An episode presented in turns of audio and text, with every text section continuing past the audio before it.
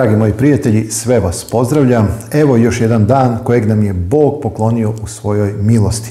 Pošto verujemo da je svaki dan poseban dar od Boga, smatram da ga treba maksimalno iskoristiti, da budemo pozitivni, da budemo plemeniti, da širimo dobar utjecaj oko nas i da budemo na korist ljudima koji su u našoj blizini. Na taj način proslavljamo i našeg nebeskog tvorca, a to je i poziv da budemo hrišćani. Znam, dragi moji, svestan sam, živim u jednom teškom, surovom svetu gdje je upravo sve ovo teško ostvariti jer smo stalno pod pritiskom negativizma, zemlje, straha kojeg ovaj svet širi i baš upravo zato mi treba da pokažemo da smo drugačiji jer se ispunjavamo silom Božjom koju dobijamo kada, dragi moji, čitamo reč Božju sa molitvom i kada razmišljamo o svim tim obećanjima koje su nam data, a vezana su za ispunjenje te eskatološke nade, nade koja je večna, koja ne umire, a koje nam je dato Isusu Hristu koji će ponovo doći, učiniti kraj suzama, plaću, bolestima, kao što kaže otkrivenje 21. poglavlje, jer prvo prođe. Hajde da idemo napred, imamo razloga da budemo pozitivni, imamo razloga da širimo dobar uticaj jer kao što sam rekao, na taj način jedino tako možemo pokazati da smo drugačiji, da smo nanovo rođeni, da smo hrišćani koji se suprote negativizmu i grehu i uticaju koji je prisutan u ovome svetu. Inače, dragi moji, evo polako se razdanjuje, Negde je oko 6 sati ujutru, ja sam odlučio da iskoristim ovo rano vreme, jer ne zato što mi se nije spavalo, nego desilo se da je moja supruga, koja inače jako lepo svira klavir, dobila neku inspiraciju, ni njoj se nešto nije spavalo i onda je otišla da svira, klavir. Ona je stavila slušalice, ali to lupetanje, dirke i te papučice e, koje ona pritiska nogama su me na neki način probudile, rasanio sam se i onda kažem sebi šta sad da gubim vreme, hajde doći ću ovdje e, u moju kancelariju da podelim sa vama predivne misli iz reči Bože, a onda već oko 8 sati počinje i radno vrijeme gdje imam neke druge obaveze, sastanke i tako dalje. Inače, danas ćemo u ovoj emisiji da zaokružimo sve ono što smo rekli u prošle dve, a bilo je vezano za termin žig zveri, gdje sam objasnio da je reč o uticaju, o, o, moći koja se ispoljava kroz delovanje čovjeka zakonja, kroz delovanje rimske crkve, koja se uzoholila u smislu da je odlučila da promeni vremena i zakone i tu se upravo pokazuje taj njen autoritet moći. Ona smatra da radi pravu stvar, ona se time ponosi i ja sam rekao da upravo sam izneo tekstove u kojima se pokazuje taj ponos i dika i zato smatram da nisam nikoga vređao. Danas bi želeo da uporedimo deset zapovesti onako kako stoje u originalu e, i onako kako stoje u katehizisu. E, da vidite o kakvim se promjenama radi i da shvatite da sve ono što sam rekao je istinito i da se to bukvalno dešava. E, da bismo išli nekim redom, na samom početku želim da se ogradim. Lično verujem, dragi moji, to sam već više puta i rekao i snimio u nekim emisijama – Verujem da se čovjek spašava isključivo blagodaću Isusa Hrista. Ta blagodat Isusa Hrista se izlila na ovaj svet na krstu Golgote. Spasenje je dar od Boga. Niko ne može da ga zasluži. Mi taj dar prihvatamo verom. Naša vera je kopča. Mi se hvatamo za istinu o blagodati i time nam se uračunava Hristova pravenost. Živeti i biti opravdan verom podrazumeva da je ta blagodat izvršila promjenu u našem životu. Kao što kaže reč Božja, ako si krao više da ne kradeš, ako si lago više da ne la i tako dalje. Znači, da činiš drugačije stvari nego što su što si činio do sada u ovome svetu. To znači da si opravdan verom jer se desila promjena u tvom životu i prestao se na neki način svesno namjerno činiš greh. Biblija kaže ako se desi da čovjek pogreši, imamo zastupnika kod Isusa Hrista, imamo zastupnika kod Oca Isusa Hrista, pravednika koji čisti naše grehe. O toj službi i o tome šta Isus radi na nebu ću govoriti posebno u nekoj od sljedećih emisija. Sada želim da se usmerimo na deset zapovesti. I hajde da krenemo redom.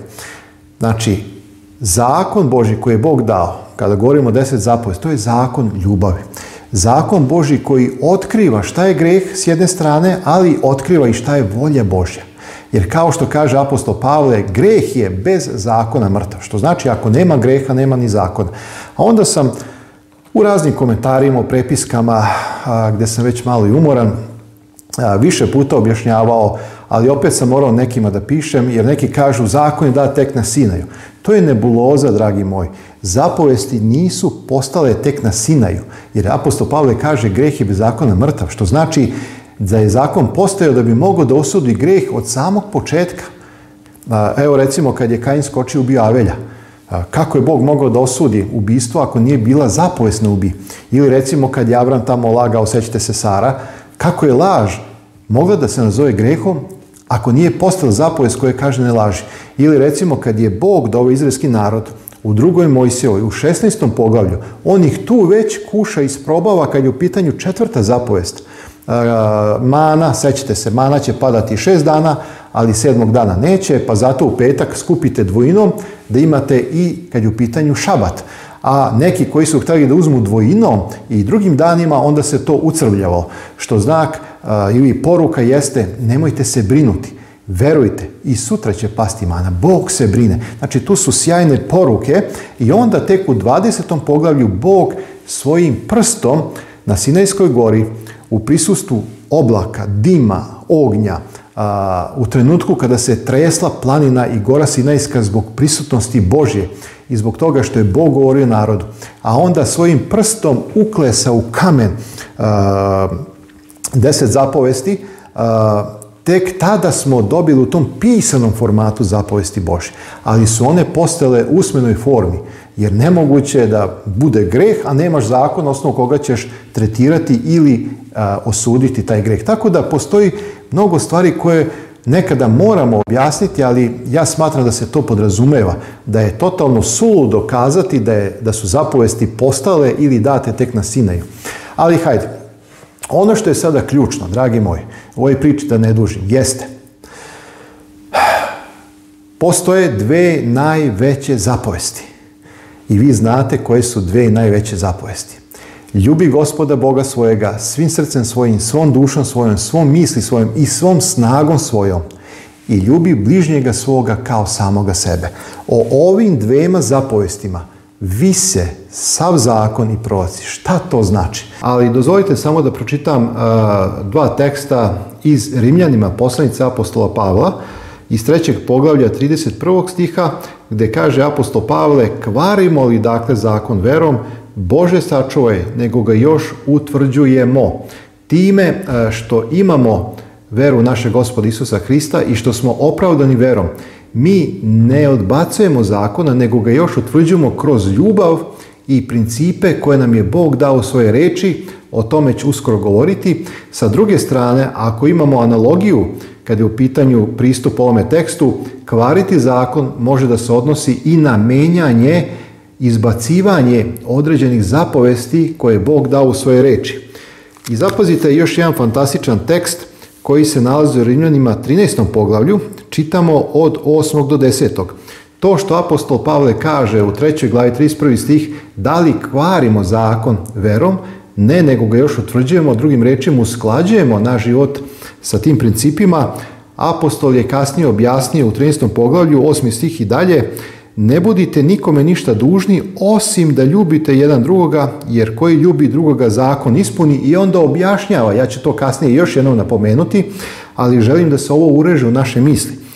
Kaže, jer ovo ne čini preljube, ne ubi, ne ukradi, ne svedoči lažno, ne poželi i ako ima još kakva druga zapovest, u ovoj se reči izvršuje ljubi bližnjega svojega kao samoga sebe, ljubav ne čini zla bližnjemu, dakle ljubav izvršenje zakona. To znači utvrđivati zakon kroz veru, a ne odbacivati ga. Evo pred vama je eh, tekst eh, zapovesti Božje. Imamo prve četiri zapovesti i eh, ovaj tekst je deo originalnih Božjih zapovesti onako kako stoje u svom izvornom tekstu. Znači, odnos čovjeka prema Bogu, dragi moji, je dat u najvećoj zapovesti koju sam već spomenuo, ljubi gospoda Boga svojega svim srcem svojim, svom dušom svojom, svom misli svojom, svom snagom svojom i tako dalje.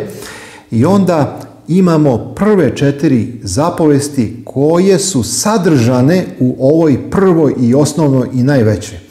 Hajde da pročitamo, da vidimo kako su zapisane u svom originalu, a onda ćemo izvršiti komparaciju sa zapovestima koje su zapisane u katehizisu i videti gde su napravljene određene izmene, promene o kojima sam govorio u prošle dve emisije, gde se crkva postavlja iznad Boga, gde se osjeća da je pozvana da menja, dopunjuje, Boži zakon koji je savršen i koji je pisan prstom Božim.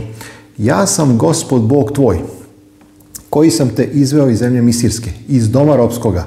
Nemoj imati drugih bogova uzame. Ovo je prva zapovest onako kako stoji u originalu.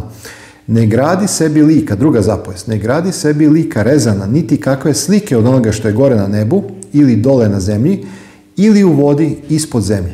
Nemoj im se klanjati, niti im služiti, sam ja, gospod Bog tvoj, Bog revnitelj, koji pohodim grehe otačke na sinovima do trećeg i do četvrtog kolena onih koji mrze name, a čini milost na hiljadama onih koji me ljube i čuvaju zapovesti moje. Ova zapovest, vidjet ćete kasnije, više ne postoji u katehizisu, ona je uklonjena. Treća zapovest u originalu kaže ne uzimaj uzalud imena gospoda Boga svojega, jer neće pred gospodom biti prav ko uzme njegovo ime uzalud. I četvrta zapovest, sećaj se dana od odmora da ga svetkuješ, e, u katehizisu postoji samo ova rečenica, ali četvrta zapovest ne obuhvata samo ovaj stih, nego ona obuhvata i vrednoću i rad ostalim danima. Zapazite, šest dana radi i završi sve poslove svoje a sedmi je dan odmora gospodu Bogu tvojemu, tada mora raditi ni jednoga posla, ni ti, ni sin tvoj, ni kći tvoja, ni sluga tvoj, ni sluškinja tvoja, ni živinče tvoje, ni starac koji je među vratima tvojim, jer je za šest dana stvorio gospod nebo i zemlju, more i što je god u njima, a u sedmi dan počinuo, zato je blagoslovio gospod dan od odmora i posvetio ga. Zašto ovaj deo nema u katehizisu, to ću kasnije reći. Ovo su prve četiri zapovesti koje su vezane za odnos čoveka prema Bogu. Znak da li izvršavaš prvu i najveću zapovest, ljubi gospoda Boga svojega svim srcem i tako dalje, je e, izražena kroz ove četiri zapovesti. E, imam, dragi moji, osjećaj da čovek koji ne zna da postoji druga ili je ne izvršava, ili je ne poštuje, ne može u konačnici ispuniti ni najveću zapovest, a to je ljubi gospoda, jer ona nedostaje. Ovdje su ozbiljne stvari, ovdje su ozbiljne napomene koje želim da podelim sa svima vama. Vi ste ti koji ćete donijeti sud za sebe, odluku u svom životu, ali ja ja osjećam da imam dužnost pred Bogom, da me Duh Boži nagoni da ovo iznesem pred vas. Kad su u pitanju zapovesti na drugoj ploči zakona, koje regulišu odnos između čovjeka prema čoveku, iskazane su u drugoj najvećoj zapovesti, odmah posle prve, ljubi bližnjega svojega kao samoga sebe. Zašto je, dragi, ovo moje bitno? Pa zato što je i ova druga najveća zapovest proizašla iz prve, jer ako ne ljubiš bližnjega kao sebe samoga, ako činiš neki greh prema svom bližnjem, ti automatski kidaš odnosi prema Bogu kroz prvu zapovest. Jer kada narušiš međuljudske odnose sa svojim bližnjim, ti si naruši odnos sa Bogom. Ima stotine mjesta u Bibliji, ja sad zbog vremena ne mogu, ali samo vas vraćam na jedan novozavetni tekst gdje sam Isus kaže a ti ako želiš da daš dar svoj i kad ga prineseš kao tar, ako se setiš da imaš nešto na brata svojega, ostavi dar svoj kod oltara pa se izmiri sa bratom svojim, a onda dođi i prinesi dar. Šta Isus ovdje želi da kaže? Isus želi da kaže to što ćeš ti meni dati dar na oltar i misliti da meni službu činiš ne znači ništa, ja to ne mogu prihvatiti. Zato što je odnos između mene i tebe narušen jer je narušen tvoj odnos sa tvojim bližnjim. Kada rešiš odnos sa tvojim bližnjim, onda mi prinesi dar jer će tada dar biti prihvaćen. Evo, dragi moji, zapazite kako izgledaju zapovesti u originalu na drugoj ploči koje vezuju naš odnos sa našim bližnjim i deo ispunjavanja druge najveće zapovesti, ljubi bližnjega kao samoga sebe. Poštuj oca svojega i mater svoju da ti se produže dani na zemlji koji ti dade gospod Bog tvoj. Šesta, ne ubi. Sedma, ne čini preljube. Osma, ne kradi. Deveta, ne svedoči lažno na bližnjega svojega. Deseta, ne poželi kuće bližnjega svojega, ne poželi žene bližnjega svojega, ni sluge njegove, ni sluške njegove, ni vola njegova, ni magarce njegova, niti išta što je bližnjega tvojega. Izvor, druga knjiga Mojsijeva, 20. poglavlje gdje su zapisane zapovesti Božje koje je Bog izgovorio na gori Sinajskoj, usevanje, uzdrmanje, uz e, prisustvo oblaka slave i onda na kraju svojim božanskim prstom urezao u kamene ploče. Mojsije ih nije pisao u tom izvornom obliku. Bog nije dozvolio jednom čovjeku da piše zapovesti Božje, nego je sam svojim prstom napisao što označava nepromjenjivost, što označava večnost. Ovaj zakon je, dragi moji, stavljen u kovčeg sve ostalo što je pisao Mojsije je stavljeno pored kovčega i to čini veliku razliku. I kada mi dođu danas hrišćani kažu da su zapovesti ukinete koje je Bog pisao prstom i stavljene u kovčeg, ja se naježim, stresem se od straha, od, zbog onoga što čujem i doživim veliku brigu za dušu koja tako nešto priča. Da ne bi emisija bila predugačka, ne mogu se više zadržavati, idemo da izvršimo komparaciju, da vidite šta je došlo uh, u istoriji hrišćanstva i kakve promjene su usledile. Sa leve vaše strane imate originalne zapovesti koje sam sada čitao, sada su u manjim slovima, ja ću uh, samo pročitati kad je potrebno, ali vi slušajte ono što govorim. Sa desne strane imate zapovesti kako se danas nalaze u katoličkom katehizisu. Prva zapovijest originala kaže ja sam gospod Bog tvoj koji sam ti izveo iz zemlje misirske iz doma ropskoga, nemoj imati drugi Boga uzame. Sa desne strane u katoličkom katehizisu imate prisutno ono što je stavljeno belim slovima. Ono što je zapisano žutim slovima je što je izbačeno, što ne postoji, što je promijenjeno. Ja sam gospodin Bog tvoj nemoj imati drugi Boga, uzame ono što nedostaje jeste koji sam ti izveo iz zemlje Misirske iz doma ropskoga. To ne znači da je samo dato jevrejima, nego naša zemlja Misirska jeste ovaj Vavilon. Naša zemlja Misirska danas jeste ovaj svet greha i zla. Isus kaže, ja nisam od ovoga sveta kao ni vi što niste. Znači, On je tebe i mene danas izveo simbolično iz Misirske zemlje, iz zemlje ropskoga i zato nema potrebe ovo izbacivati. Ne gradi sebi lika reza niti kakve slike onoga što je na nebu i na zemlji, niti u vodi. Nemoj im se klanjati, niti im služiti, jer sam ja, gospod, Bog, tvoj, remitelj, koji pohodi, znači Bog je taj koji pohodi grehe, Bog je taj koji oprašta grehe. Papa, crkva ne može da oprosti grehe. Uh, crkva može samo da uputi na Hrista koji jedino ili Boga koji jedino može da prašta. Ova druga zapovest je uklonjena.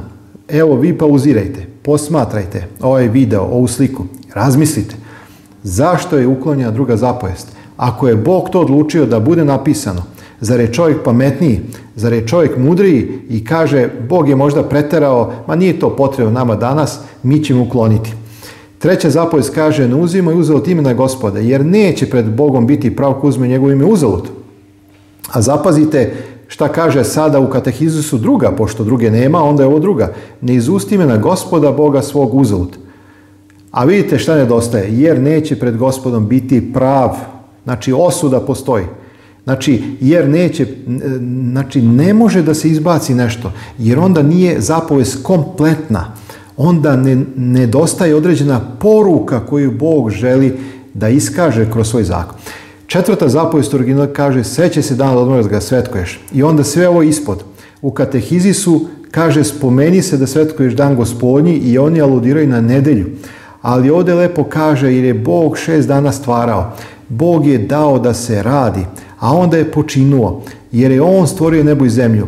Ovdje je, dragi moji, pečat ko je stvoritelj neba i zemlje, ko je gospodar od svega stvorenog. To je Bog. A kako ćeš danas znati da služiš Bogu stvoritelju? Pa kroz četvrtu zapovest koja kaže zato se seće, nemoj zaboraviti. Jer ako zaboraviš na ovu zapovest, zaboravit ćeš i ko je tvoj tvorac, ko je tvoj autoritet, ko je tvoj Bog, ko je eh, onaj kome treba da se klanjaš i ko je stvoritelj neba i zemlje. Dragi moji, evo to je što se tiče prve ploče zakona koja reguliše odnos između Boga i čoveka, a ispunjava se u najvećoj zapovesti ljubi gospoda Boga svojega svim srcem i tako dalje. Idemo na drugu ploču, originalne zapovesti s vaše leve strane i katolički katehizi sa desne. U originalu peta zapovest je poštoj oca svojega i tako dalje, a u katehizisu je sad to četvrta, pošto druga nedostaje. Videli smo da je dan za svetkovanje prebačen na treću umjesto na četvrtu.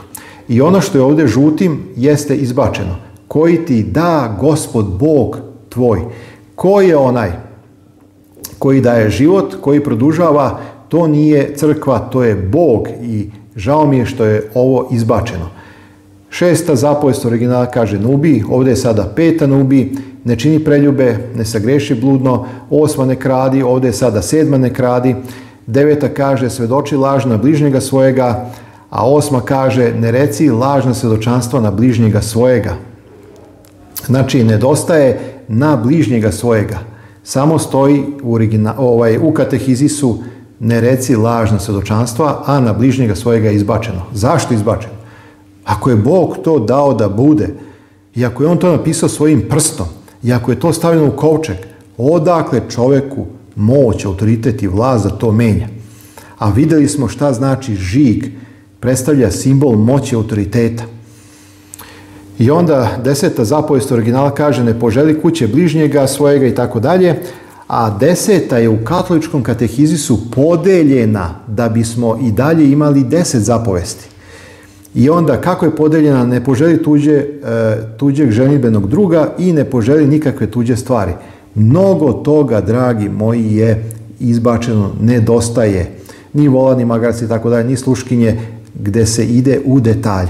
Sa leve strane imate deset Božih zapovesti, izvor Biblija, druga Mojsijeva, 20. poglavlje.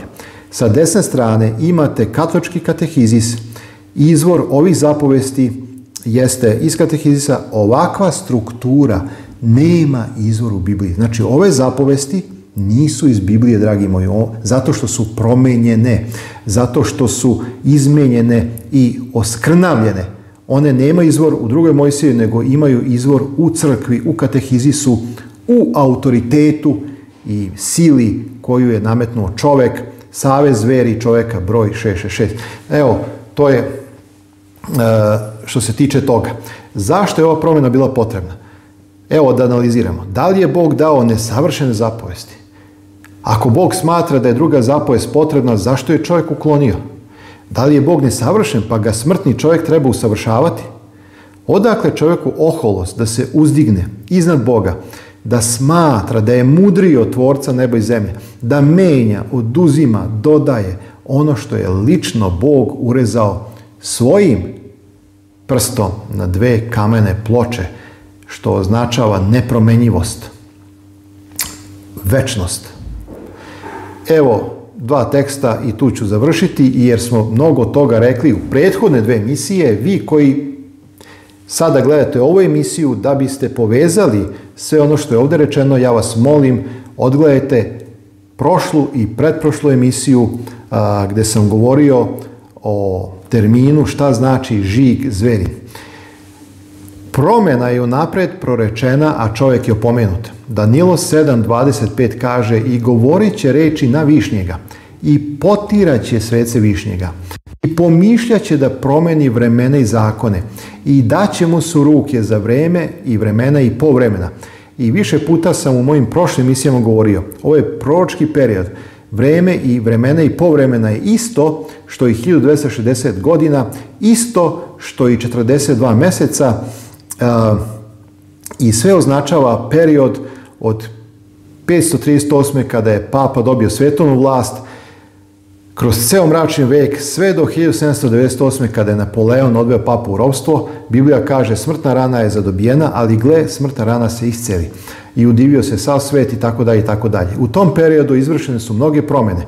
I posjetite e, moj kanal playlistu posljednje vremena i tamo ćete pronaći emisiju koja govori o promjenama koje su došle u crkvu kroz uh, period srednjeg mračnog veka i kako je Bog kroz reformaciju vraćao istinu na istinu na onu platformu. Uh, na platformi je osnovana prva crkva, oni koji drže zapovesti Bože imaju svedočanstvo ili veru Isusa Hrista.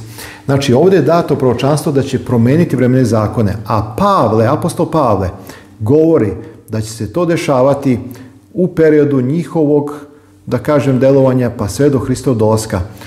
Da vas niko ne prevari nikakvim načinom, jer neće doći, misli se na Isusa Hrista, dok ne dođe najprije otpad i ne pokaže se čovjek bez zakonja, sin poglibi.